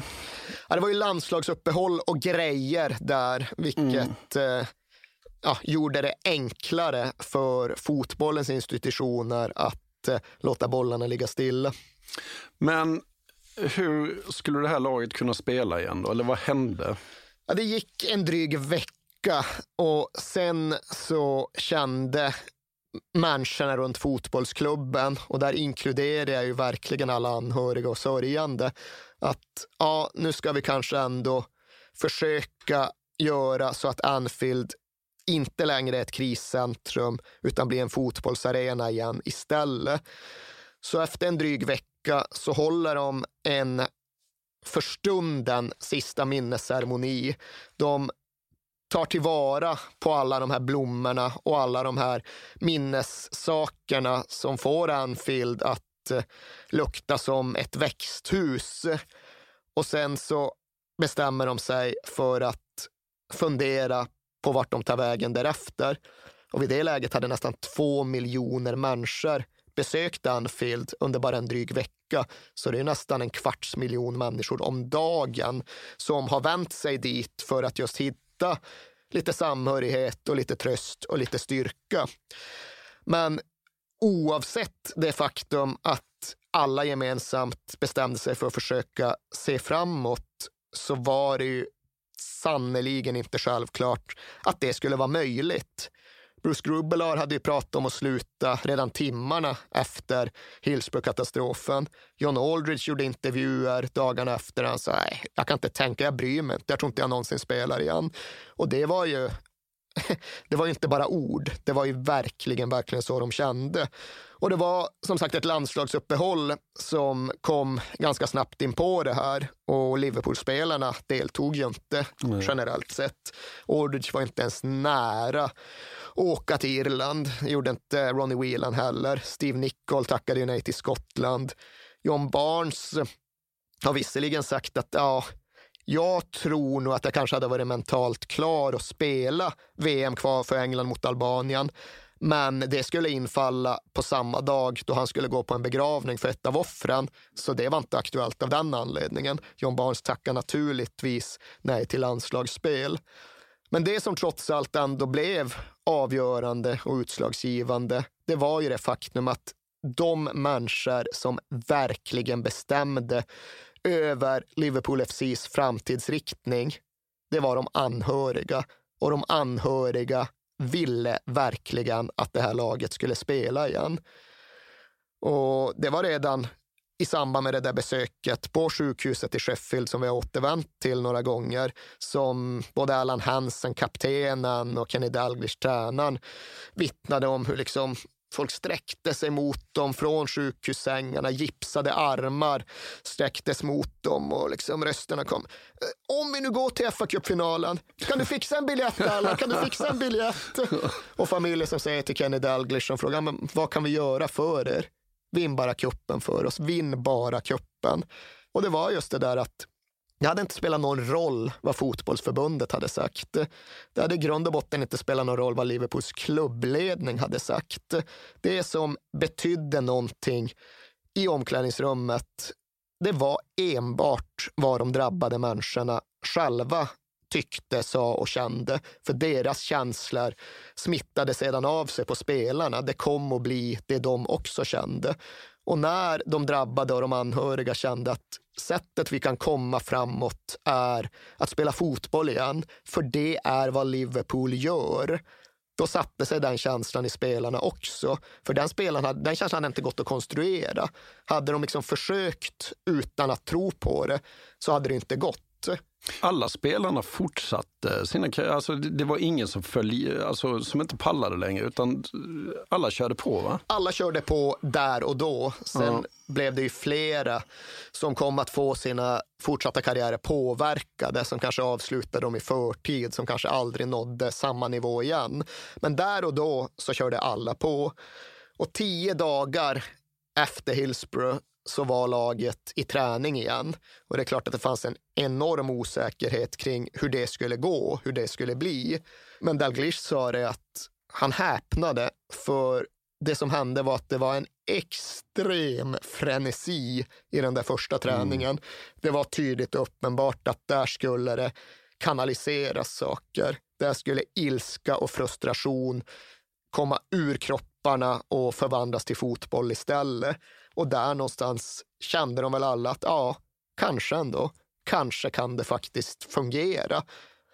Och det första de gjorde därefter var att de åkte upp till Glasgow för att spela en minnesmatch för att samla in pengar till katastroffonden. Och Liverpool och Celtic, de har alltid varit klubbar som haft täta band. Kenny Dalglish förkroppsligade väl dem och har ju varit två klubbar som sjungit You'll never walk alone på varsitt håll i årtionden. Men när de nu gjorde det tillsammans inför den här minnesmatchen, då var det såklart något alldeles extraordinärt känslosvallande. Liksom det halsdukshavet mm. som man ser uppe på Celtic Park den dagen. Det var så tätt och så sammanflätat att det rörde ju alla, alla, alla som tittade på. Celtic-fansen sjöng Liverpool, Liverpool och Kenny Dalglish var ju formellt sett fortfarande spelande tränare, men han hade bara gjort någon konstig cupmatch tidigare den här säsongen. Nu hoppade han ju in och gjorde såklart mål i minnesmatchen i någon form av eh, vikarierande reservställ, för det var precis innan matchen som de märkte att satan, vi har ju inga matchdressar kvar, för de hade givit bort allt till alla anhöriga som eh, gärna tog emot en John Barnes-tröja. Så de hade inte en pinal kvar. De fick bara blixtsnabbt skrapa ihop det som fanns och åka och spela i det. Men det var ju ändå just en minnesmatch, en insamlingsmatch. De fick in tre miljoner, lite drygt, till katastroffonden och det var sannerligen pengar det också på 1980-talet. Och det var väl såklart helt rätt typ av fotbollsmatch att börja med. Well,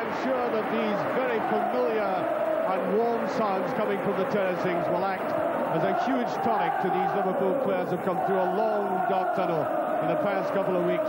And that is Kenny's selection for today. It is gratifying that he has got on the field some very badly affected players like John Barnes and Steve McMahon. And Kenny, 37 years of age, left Celtic in 1977, but believe you me, the bond between himself and this stadium has never been stronger. Och därefter var det ju tacksamt nog, det går att säga i efterhand, det var inte självklart då, men det var tacksamt nog så att det första som skulle hända i tävlingssammanhang, det var ju att Liverpool och Everton skulle spela derby i ligan. Ja, det är ju inte vilken match som helst. Nej. Nej, och det är klart att hade man sett det med dagens glasögon så hade man väl tittat på den där matchen och funderat, derby, det första som händer. Det finns ju många håll i fotbollsvärlden där man med rätta hade känt att fan, det här kan gå åt helvete. Det här kan innebära att det står en kortsida och hånar motståndarklubben för att rivaliteten är så jävla förgiftad på vissa håll. För det måste vi ändå säga, liksom att det är ändå två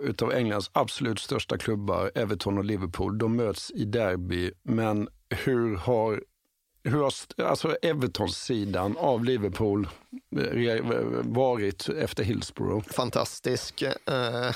På det enda sunda sätt som den kan vara, men på ett sätt som väl någonstans känns som att det riskerar att ibland förloras och tappas bort, i alla fall i dagens fotbollsvärld. Men precis som du säger, Everton var ju en stor klubb på den här mm. tiden. Den var nästan likvärdig med Liverpool och det fanns absolut en typ av bitterhet i den blå halvan av staden runt det faktum att Everton hade vunnit ligan 1985. Everton skulle ut och spela Europacupen, men Everton fick inte göra det som konsekvens av tragedin på Hazelstadion, där ju inte bara Liverpool blev avstängd, utan alla engelska klubbar ja, blev avstängda. Så det fanns en bitterhet, men det fanns samtidigt också en stark, djup och innerlig ömsidig respekt som gjort så att just derbyt mellan Everton både förr och senare gått under samlingsnamnet eller epitetet The Friendly Derby. Och det var ju en benämning som absolut har sitt epicentrum runt de här veckorna efter Hillsborough. För det var aldrig något snack. Det var aldrig någon diskussion. Det var fullständigt självklart att Everton och Evertons anhängare och alla som hade någon form av band till den klubben ställde upp mangrant och på alla sätt och vis för både Liverpool som fotbollsklubb och alla som hade drabbats av Hillsborough-katastrofen. Det var ju en extremt snygg symbolisk grej, det där med att de på ett tidigt stadium knöt bokstavligt talat knöt ihop de två arenorna. För de som inte har varit i Liverpool kan vi bara poängtera det att det är bara en stor park, Stanley Park, som skiljer Anfield från Goodison Park. Det är väl en mile emellan? Va? Det är ganska prick ja. en mile, just 1,6 kilometer. Mm. Och det klubbarna gjorde var ju att de knöt ihop arenorna genom att binda samman halsdukar i ja, drygt då en och en halv kilometer mellan Anfield och Goodison där Everton-kaptenen Ian Snowden var den som liksom knöt fast halsdukskedjan vid Goodison. They meet for the 140th time in the Football League, stretching back to 1894, and never more poignant than this.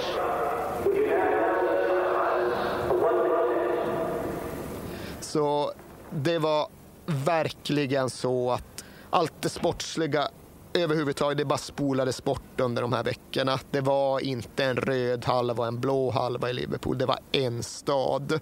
Och det var ju känslan som alla gick in med till det här första derbyt. Och där var väl även banderoller We never walked alone. Ja, precis. Eh, Före avspark ja. så gick de runt med den runt hela Goodison. Mm. The cop thanks you all. We never walked alone. Och sen skickade de upp den banderollen på kortsidan. Och det blev väl kanske passande nog så att den där första matchen, det första ligaderbyt, blev 0-0. Det hände egentligen ingenting. Det skulle inte gå att särskilja Everton från Liverpool just den dagen.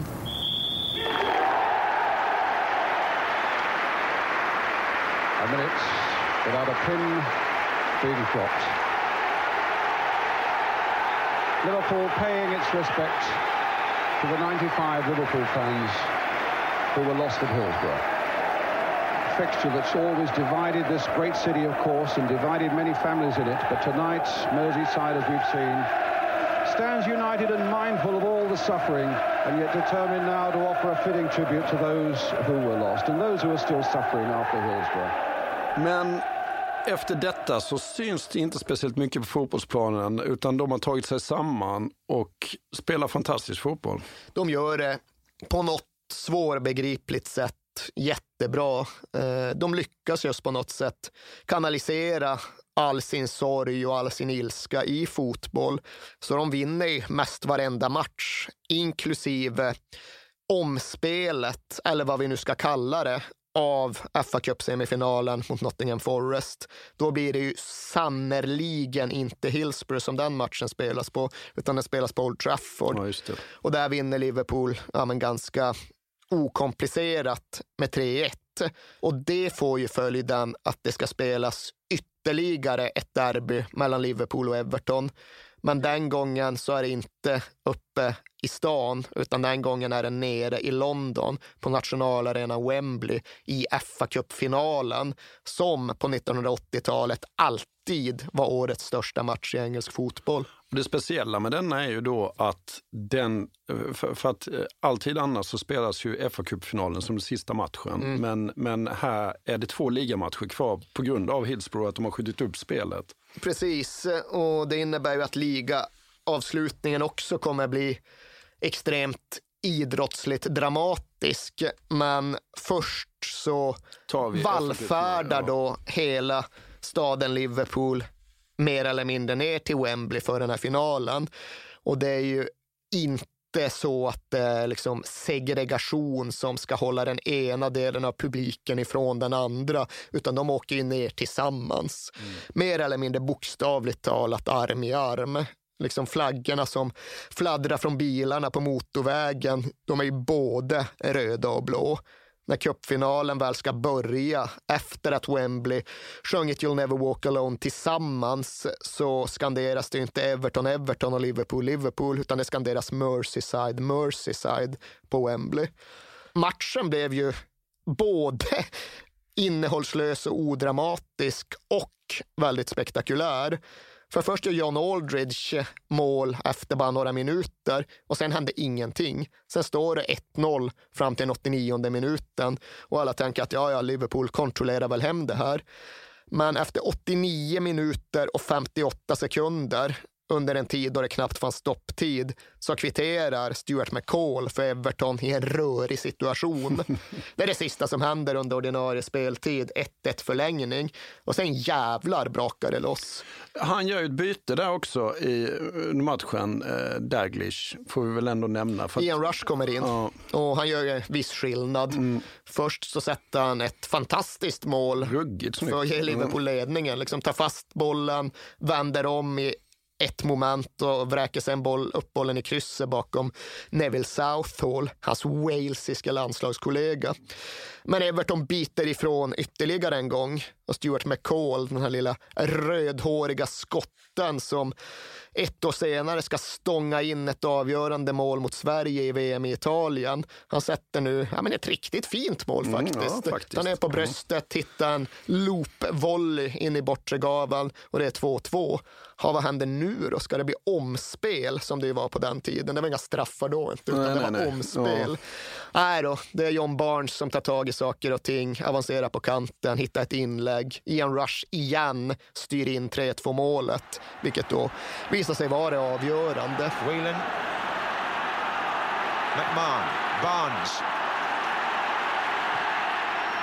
Rush! Goal! 3-2 Liverpool. Ian Rush gets his second.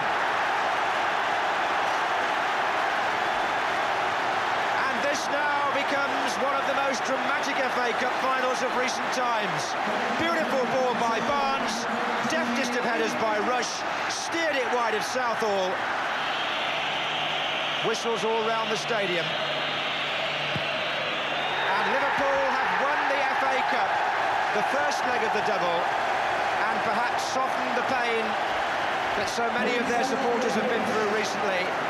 And in a fine, dramatic final, surely lifted the spirits of a whole city and of the game of football. Och det var ju mer än bara en sevärd cupfinal. Kenny Dalglish sa då, och han har sagt det igen, att trots allt han har åstadkommit och uppnått så var det här matchen som betydde mer för honom än någon annan. För han såg det som att det var så starkt knutet till just kuppen löftet som han kände att han hade givit till de anhöriga, det var just att, ja men, åk och vinn kuppen för oss Ken. Ja då, vi ska åka och vinna kuppen för er. Det var det här som var det som behövde infrias. Det var det som på något sätt var matchen som knöts ihop med Hillsborough-tragedin. Så Kenny Dalglish kände att han var tvungen att leda sitt lag till seger i den här matchen. Och då, då vann ändå han över 20 titlar, bland annat tre Europacuper. Ja. Och det här är det överlägset största. Ja. Exakt, så ja, det var ju också något som såklart märktes. Dels var det ju en segerparad uppe i Liverpool där det till och med var blå inslag ute på gatorna. Även Everton-anhängare tog faktiskt emot det återvändande vinnarlaget från Liverpool. Och sen så tog ju spelarna och Kenny Dalglish cuppokalen och åkte tillbaka till sjukhuset i Sheffield och gav den, räckte över den till alla de som fortfarande låg kvar där. Ja, det är många ögonblick här som man får tår i ögonen av faktiskt, Det- när man läser och ja, hör nej, dig en- prata här. Men eh, om vi kollar fotbollsmässigt så kostar den här matchen lite också, för det var ju väldigt, varm, väldigt varmt under matchen. Det var förlängning och de hade komprimerat resten av ligan för att de skulle hinna, ja, hinna Ja, färdigt den. Som sagt, det finns så mycket på den här våren som i sig är föremål för hela böcker, hela dokumentärer, hela radioteatrar. Men på allt det vi redan har pratat om så kommer ju då den mest dramatiska avslutningen av en engelsk ligasäsong någonsin. Och då får vi nästan lov att inkludera även Agüeros mål för Man City. För så som det kom att bli, så som schemat behövde läggas, så blev ju den sista veckan av säsongen så extremt komprimerad och ihoppackad för ett Liverpool på väg mot liksom det slutgiltiga mötet med idrottens öde på fredagskvällen. Först som du säger, cupfinal i hög värme med förlängning på lördagen. Tillbaks till Liverpool för att fira och visa upp bucklan på söndagen. Ta den till Sheffield för att ge den till de som ligger där på måndagen. På tisdagen så ska de ut och spela ligamatch igen. En jätteviktig ligamatch mot West Ham på Anfield. Lyckas vinna den, lyckas vinna den stort. Trots att Kenny Dalglish då själv känner att fan, nu håller vi faktiskt på att hamna i ett läge där energin och kraften rinner ur oss. Men lika fullt så måste de upp på hästen igen. För på fredagskvällen, en tidpunkt då det aldrig spelades fotboll i England på den här tiden, att då skulle den avgörande, den helt avgörande finalen spelas. Då skulle Arsenal rulla upp till Anfield och de skulle göra det i ett läge De låg jävligt risigt till Arsenal. det var ju. Liverpools titel. Ja. Det var i grunden Liverpools titel. För allt det de behövde göra, det var att antingen vinna matchen, kryssa matchen eller rent utav förlora matchen med uddamålet. Allt det hade givit Liverpool titeln. Mm. Och Liverpool var absolut det bästa laget. Det var liksom alla överens om. De var därtill laget i form, för sen nyår så hade Liverpool vunnit 21 av 24 matcher. De hade inte förlorat sen 2 januari, medan Arsenal hade bara vunnit 10 av 20. Så Arsenal var i svag form och Liverpool framstod som att de flög fram. Men det är klart att när man tittar på förutsättningarna, då måste man ju såklart även väga in vilka dagar, vilka veckor de faktiskt hade in till matchen. Okej, de kände även i relation till ligan att ja, det finns ett ansvar. Vi måste vinna för Hillsborough. Vi måste göra det här. Men det fanns ju såklart också en dränering, både fysiskt och mentalt. De har ändå lyft kuppen. De har fullföljt det de själva upplevde som den viktiga delen av fotbollsavtalet gentemot sjukhuset. Men de skulle ändå spela den här ja, helt avgörande finalmatchen några få dagar därefter. Vill du prata mer om matchen än om det otroliga avslutet? eller? Ja, men det får vi väl ändå göra eftersom att det var på många sätt, även rent fotbollsmässigt, dagen då allt fick en ny kurs. Det var det här med att det blev en final som visades direkt på tv på fredagskvällen. Det visades ju inte fotboll, det visades inte ligamatcher på brittisk tv vid den här tiden. Visst, fa kuppfinalen sändes, men ligamatcherna sändes ju inte. Men det här var precis då i slutet av 80-talet. Rupert Murdoch höll på att lansera Sky. Allt det där skulle ta fart eh, några år senare och det här blev på något sätt ett startskott för det. Men när det väl är dags att spela, då kommer ju Arsenal ut och de har ju med sig blommor och de bär blommorna och liksom kvastarna och kransarna till alla läktare på Anfield, i synnerhet till The Cop. Och de spelar i gulsvarta tröjor, de har svarta ärmar så de måste ju ha vita sorgearmband. De kan inte ha svarta armar för de syns inte. Men de kommer ju verkligen ut och respekterar situationen som Liverpool FC befinner sig i. Men det är ju ett George Graham-lag och de ger inte bort någonting när matchen väl börjar. Det är ju för sig så att Arsenal måste vinna med två men de går verkligen inte framåt och forcerar för den sakens skull. Det är inte George Graham. Det är inte George Graham. De spelar fembackslinje. Det är knappt några chanser överhuvudtaget. Och när man tittar på den här matchen med dagens eh, perspektiv så är det lite skruvat just för att det så tydligt är en match från en annan fotboll, en annan era.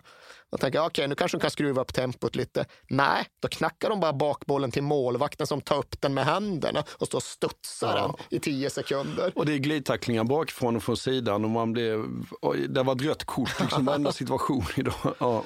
Men det är ju också så att en liten bit in i andra halvlek, när knappt någonting har hänt, när The Cop har börjat skandera Champions, Champions, då får Arsenal en indirekt frispark. För de var också mer vanligt förekommande på den här mm. tiden.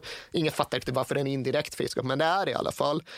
Nigel Winterburn lyrar in den i offensivt straffområde med sin vänsterfot och sen så studsar den bara in i bortre gaveln. Och det blir en diskussion långt före alla VAR-kameror, domarteamet sinsemellan, att vad fan hände? Gick den där direkt in? Eller var Alan Smith, alltså Arsenal center, på bollen med en liten nicktouch? Och hur säkra de verkligen var på saken, det vette fan. För det är inte lätt att se huruvida Smith faktiskt rör bollen eller inte. Men de ger det som mål. I och med att det var en indirekt frispark så hade det inte godkänts om man inte hade touchat den. Men de ger det som mål och det innebär 1-0 to the Arsenal i början av andra halvlek. Då är det plötsligt en ännu mer förtätnad stämning. Då är det inte längre den här matchen som ser ut att kunna rinna ut mest i ingenting, utan då är det en match som verkligen dallrar av intensitet och nervositet. Men det är inte så att det blir så det är jättemånga klara chanser för den sakens skull. Liverpool ser ganska energifattigt ut det gör verkligen laget. Och Arsenal förmår inte att skapa så värst mycket mer. De börjar för att skicka upp lite mittbackar. Steve Bold får gå upp ibland och Tony Adams Släpp får gå upp ibland. Ja, lite grann. Ja, Stötande ja. mittbackar får man väl kalla dem. Men när det börjar ticka mot stopptid så är det ju fortfarande 1-0 till Liverpool. Och återigen, det är inte så att det blir åtta minuters tillägg på den här tiden. Det brukar vara en minut kanske och sen är det ju slut och färdigt. Så när det är nästan 90 minuter på domarens klocka, då är det svårt för spelarna att veta vad som gäller. För det finns tydligen inget matchur på Anfield vid den här tiden. Så de får gå och fråga domarna. Mm. Och Steve McMahon, denna mittfältshårding, han tycker sig tydligen då ha uppfattat hur länge som verkligen återstår. För han går runt med ett finger i luften och tycks liksom vråla till sina lagkamrater. One minute, one minute, en minut, ett sista anfall, en sista sekvens. Sen är dubben klar. Sen har vi gjort det. Men det är då John Barnes sa ett halvt David Ginola-ögonblick. Ja, men det, jag tycker det är lite orättvist. Ja, det är det. Det är det lite inte, orättvist. Det är inte Ginola, det, det, måste vi faktiskt säga. Det är inte Ginola Nej. och vi måste förklara den referensen för ja. den är inte självklar. I kvalet till VM 1994 så dribblar David Ginola och försöker slå ett offensivt inlägg. Det absolut sista som händer i Frankrikes VM-kvalmatch. Han misslyckas, Bulgarien kontrar, gör mål, skjuter bort Frankrike från VM och det får följden att dåvarande tränaren, dåvarande förbundskaptenen Gerard Houllier driva en rättssak mot Ginola flera årtionden senare. Det är nästan mordhot på det där. Ja, vi får återvända till det i något ja, annat program. det, ja. Men här har ändå John Barnes bollen i ett lite liknande läge. Han har den nere på högerkanten. Nichols in there, Barnes is in there. Barnes has beaten Adams. Aldridge is waiting at the far side. Adams is after his man, but Barnes will not be denied. Yes, he will by Richardson moment ago, down and injured. Kan absolut välja att gå ner mot hörnflaggan och stå där och försöka döda tid. Men gör inte det. Och istället får Arsenal tag på bollen. Arsenal comes streaming forward now in surely what will be their last attack. A good ball by Dixon, finding Smith. Inte jättemånga spelalternativ, men Alan Smith gör någon form av löpning ut i kanalen som gör att Lee Dixon kan slå ett långt uppspel på honom. Och Smith vid den här tiden, han är bra. Han är riktigt bra generellt och han är jättebra i den här matchen. Och han lyckas ju med något svårt, för han gör ju någonting av en ganska utsiktslös, ett ganska utsiktslöst uppspel. Han inte bara får fast den, utan han vänder samtidigt bollen inåt i banan mot en rättvänd löpande Michael Thomas. Så det är jättebra gjort så långt, men det är fortfarande ganska lugnt. Det finns täckning gentemot Michael Thomas. Han är 30 meter från målet och Liverpool har mittbackarna hyfsat samlade. Men när det blir då en närkamp mellan Michael Thomas och Steve Nichol så blir det liksom en rikoschett, ett motlägg. Bollen studsar på Nichol och sen tillbaka på Thomas och helt plötsligt så har det blivit en motläggsfint av det hela. Helt plötsligt har Thomas brutit sig förbi mittbacken genom försvaret och helt plötsligt är han fri. But Thomas charging through the midfield. Thomas, it's up for grabs now.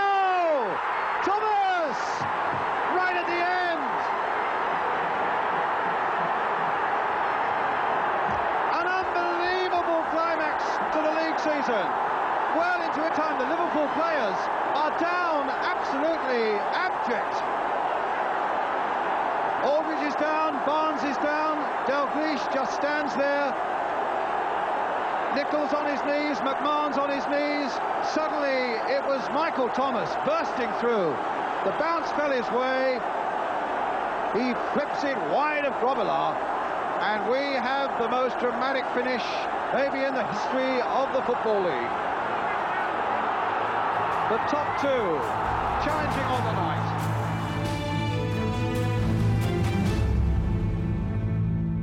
Det där var ju något som aldrig hade hänt tidigare. Att en engelsk ligasäsong avgörs av en final, avgörs i den allra sista sparken.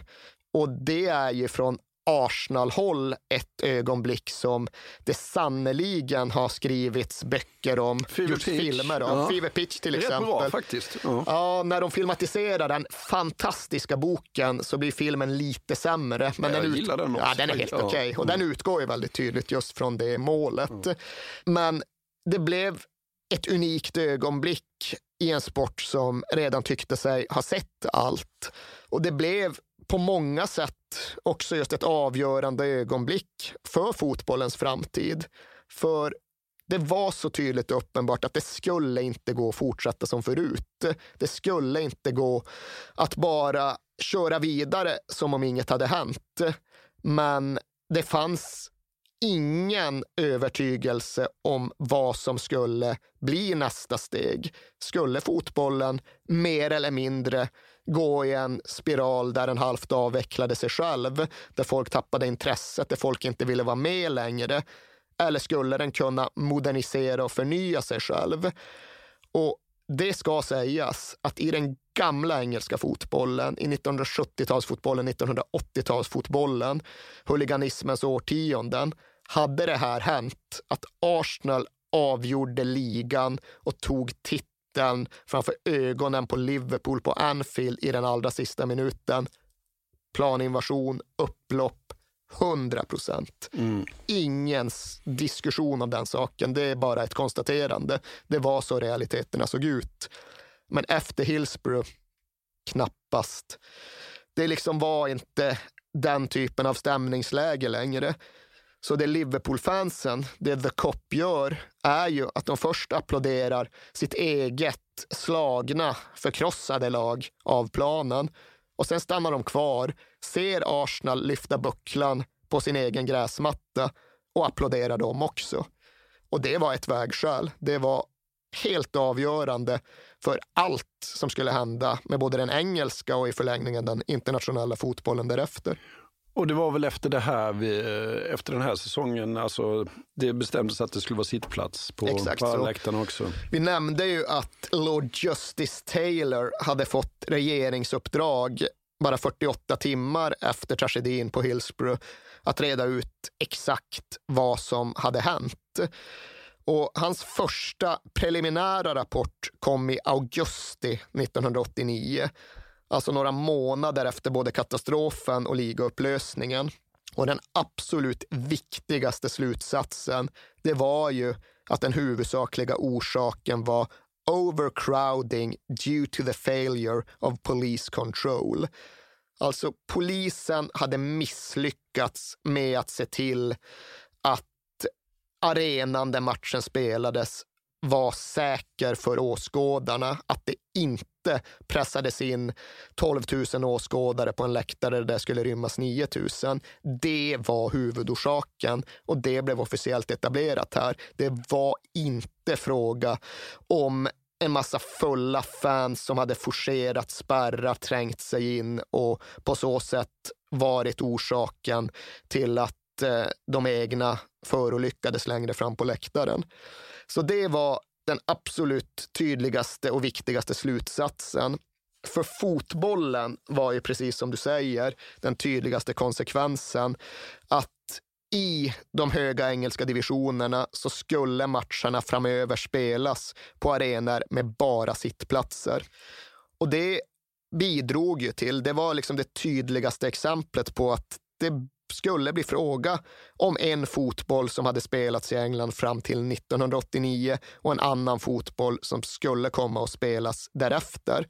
Och det är ju den utvecklingen vi fortfarande ser följden av idag. Det är det som någonstans blev startskottet för det vi ofta ganska nedsättande refererar till som den moderna fotbollen, den kommersialiserade och uppputsade och sanerade fotbollen. Och det finns så mycket som är deppigt med den här utvecklingen. Det finns så mycket som har gått förlorat. Och jag tror ju att med dagens möjligheter tror jag verkligen att det går att bygga arenor med säkra ståplatsläktare. Men med det sagt så förstår jag ju ändå varför det behövde bli som det blev. Efter 1989, efter Hillsborough, fanns det bara ett enda argument som i slutändan betydde något. Okej, okay, nu ska vi bygga om arenorna, nu ska vi bygga nya arenor. Finns det någon som helst risk att 96 människor kan klämmas ihjäl på de nya arenorna? Ah, Okej, okay, bra, det räcker. Ja, det är liksom slut ja, på diskussionen ja. där. Och när du ser bilder från Hillsborough, det är ju verkligen, alltså utan folk, det är ingen rolig syn att gå genom de här gångarna. Man, man, man inser ju att, det, så här i efterhand, att hur kunde det se ut på det här viset? Liksom? Ja, och som sagt, det hade ju i någon mån hänt förut. Det hade hänt av olika anledningar på Ibrox och det hade hänt i Bradford och det var bara en tidsfråga innan det skulle ske igen. Och att det tilläts vara på det sättet, det är såklart ett oerhört underkännande av i förlängningen den brittiska stats och regeringsapparaten. Och det har att göra med hur den hade kommit att se på fotbollssporten och på fotbollspubliken under huliganismens tidevarv. Men det hade ju också att göra väldigt mycket med hur Storbritannien utvecklades på 1980-talet under Thatcher-tiden.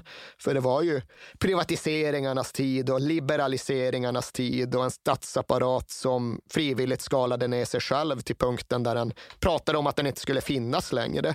There is no such thing as a society, som Margaret Thatcher summerade. Mm. Det finns ingenting som heter samhälle. Det finns bara individer och familjer. Och den största frågan, den mest övergripande frågan runt Hillsborough, det kom ju någonstans att bli den om huruvida det här var en statsapparat som klarade av att ta hand om sina medborgare, att beskydda sina medborgare. Men när de själva skulle besvara den frågan så valde de ju att i någon mån sticka huvudet i sanden, i någon mån faktiskt mörklägga sanningen. För även om Taylor-rapporten hade kommit till den slutsats som den gjorde så blev ju ingen åtalad och ingen kommer att hållas ansvarig för Hillsborough-katastrofen under väldigt, väldigt många år. När dödsorsaken för alla de 96 förolyckade skulle fastställas så blev det ju accident mm. som blev utslaget. Olyckshändelse.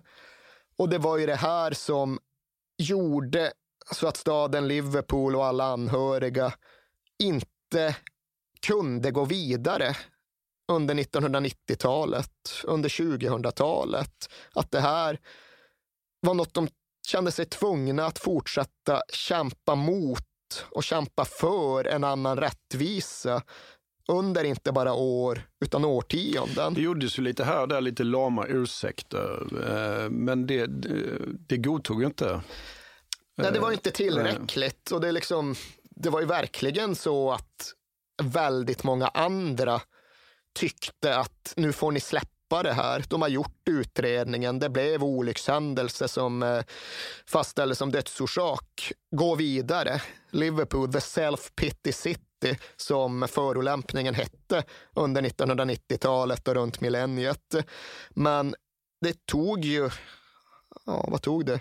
Det tog 15-20 år innan opinionen faktiskt började vända, innan sanningen faktiskt började komma ikapp, innan rättvisa faktiskt började skipas. The Sun kände ju sig i sånt uppenbart underläge. De var ju så tydligt inmålade i sina egna lögners hörn att de kände sig tvungna att gå ut med en ursäkt 2004. Då hette det att ja, This was the most terrible mistake in our history. På sidan alltså, åtta, ja. Inte på sidan ett. Och det är 15 mm. år efter mm. att det har hänt och det förändrade ju ingenting. Scouses never buy the sun heter det ju än idag. The Sun bojkottas ju, inte bara i Liverpool utan på hela Merseyside. Ja, det sägs ju att eh, de hade en upplaga på 200 000 i det här området, The Sun, och att den är nere på ungefär 12 000 idag. Ja. Det är rätt mycket pengar för ett tidningshus. Ja, det är miljarder. Ja. Men som sagt, när ursäkten väl kom så var det ju alldeles för lite, alldeles för sent. Så det förändrade ju ingenting. På Merseyside köper man fortfarande inte The Sun. Och Många vägrar sälja den. Ja, med all rätt. Ja, ja, ja. Men sen var väl det som faktiskt blev vändpunktet och genombrottet 20-årsdagen då en ansvarig minister som hette Andy Burnham kom till minnesceremonin, blev häcklad, blev utbuad, men sympatiserade själv med både de där buropen och det där häcklandet. För Andy Burnham kom själv från Liverpool Remembering any loss of life on this scale is painful. It is even harder when a tragedy was no natural disaster but entirely man made, when it involves so many young people, and when those who lost most have suffered so many more dark days ever since. Hillsborough left deep wounds that will never heal. Its horror is not diminished by the passage of time. The TV images still harrowing to watch. And he asked us to think at this time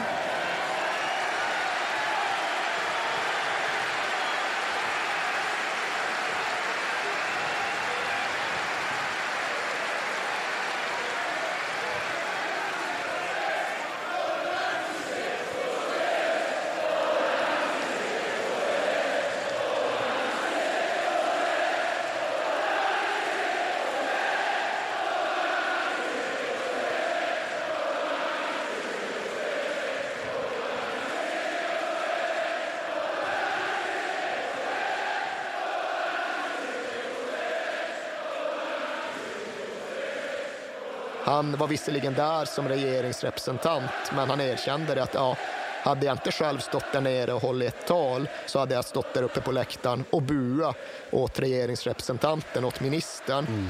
Så han såg ju till efter den här dagen att det tillsattes en oberoende panel för att återigen titta på bevisunderlaget. Hillsborough Independence Panel. Precis, ja. precis. Och den kom ju fram till helt andra saker. Den kom ju fram till just att det hade förekommit en mörkläggning, en förvanskning av bevis, ja, ja. en statsapparat som inte bara försökte skylla ifrån sig utan som försökte sopa igen sina egna spår, dölja sina egna misstag. Och det är ju ett helt häpnadsväckande rättsligt eh, övergrepp.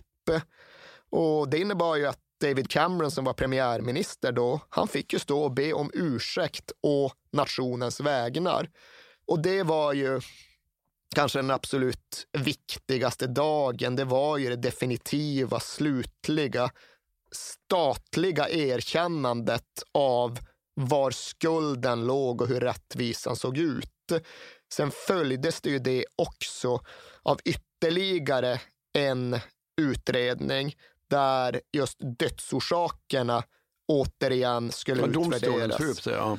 Och det innebar ju att 2016 kom det slutgiltiga oreserverade utslaget. Och nu var det ju inte längre 96 olyckshändelser. Det var inte accident som var termen som användes, utan det var ju polisens försummelse som orsakade katastrofen och i förlängningen dödsfallen. Det var den korrekta beskrivningen av vad som faktiskt hade skett.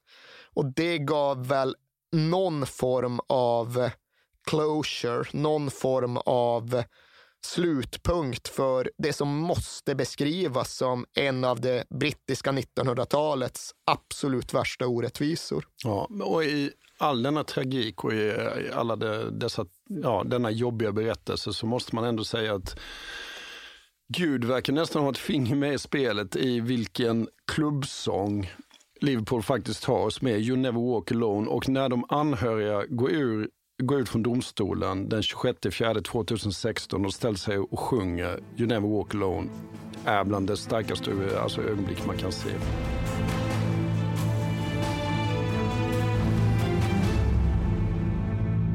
Och klubben då?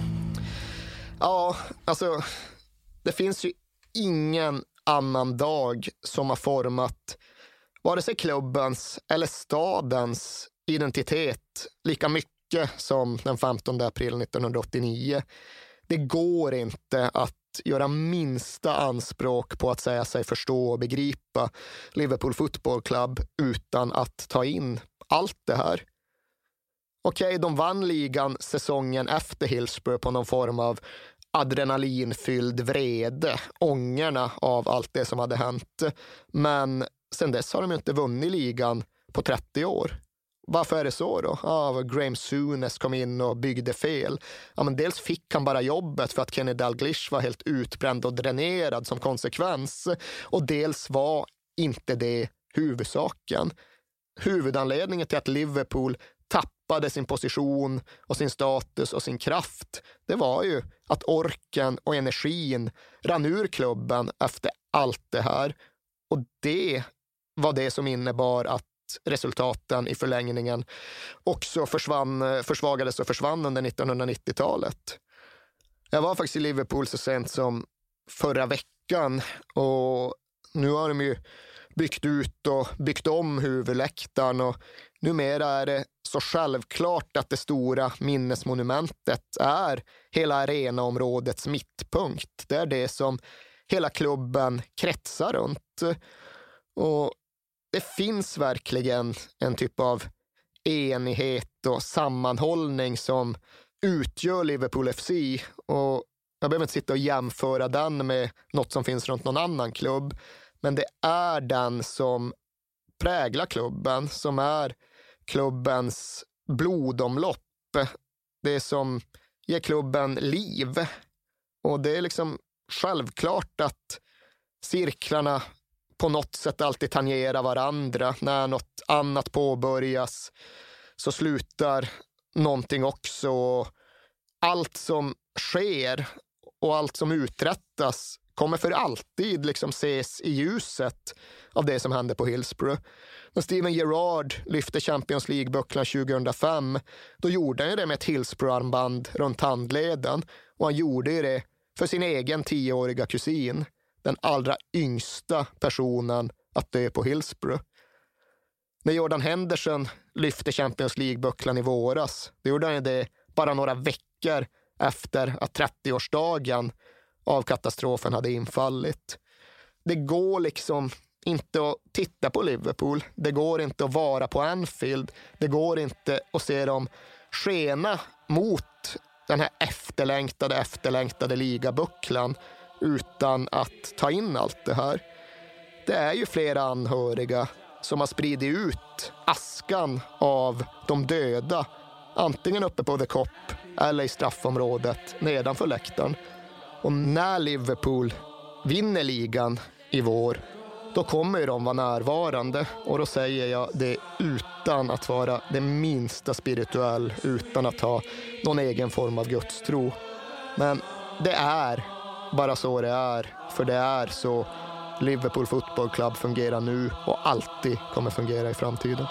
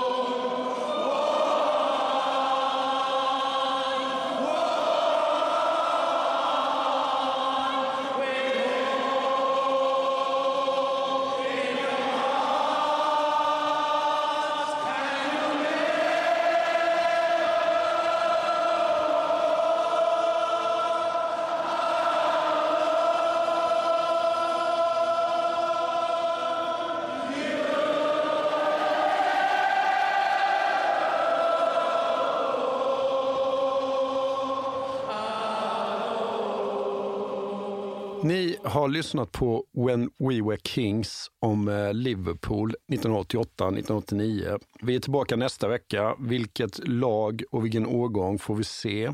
Fortsätt mejla oss på kings at perfectdaymedia.se. Vi läser allt och vi svarar på allt.